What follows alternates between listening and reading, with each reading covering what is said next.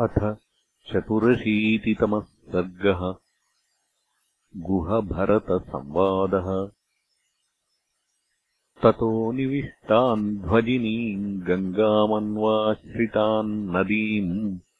निषादराजो दृष्ट्वैव ज्ञातीन् सन्त्वरितोऽब्रवीत् महतीयमितस्तेना सागराभा प्रदृश्यते नास्यान्तमधिगच्छामि मनसापि विचिन्तयन्। यथा तु खलु दुर्बुद्धिः भरतः स्वयमागतः स एष हि महाकायः क्वविदारध्वजो रथे।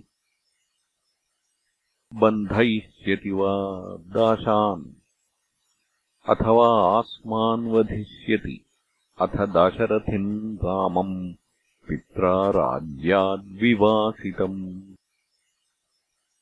सम्पन्नाम् श्रियमन्विच्छन् तस्य राज्ञः सुदुर्लभाम् भरतः कैकयीपुत्रो हन्तुम् समधिगच्छति। भर्ता चैव सखा चैव रामो दशरथिर्मम। तस्यार्थकामाः सन्नद्धा गङ्गानूपे प्रतिष्ठत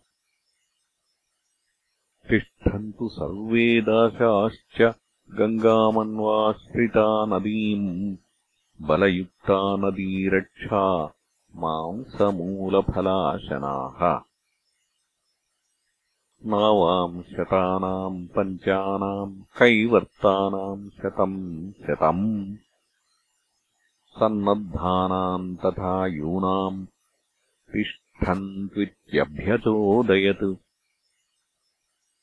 यदा तुष्टस्तु भरतो रामस्येह भविष्यति तेयम् स्वस्तिमती सेना गङ्गामद्य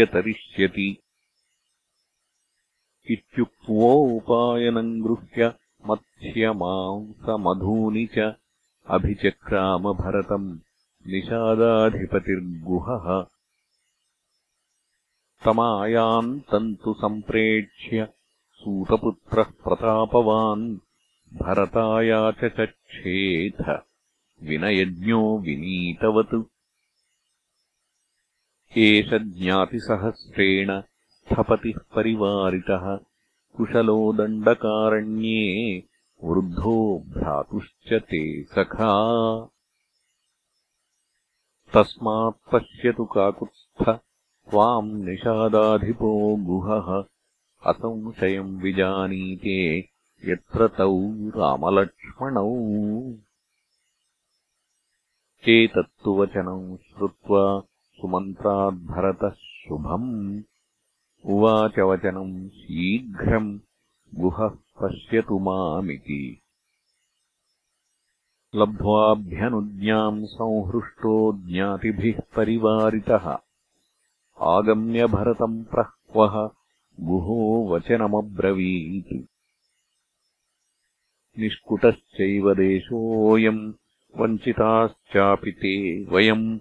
निवेदयामस्ते सर्वे स्वके दासकुले वस अस्ति मूलम् फलम् चैव निषादैः समुपाहृतम्। आर्द्रम् च मांसम् शुष्कम् च वन्यम् चोच्चावचम् महत्।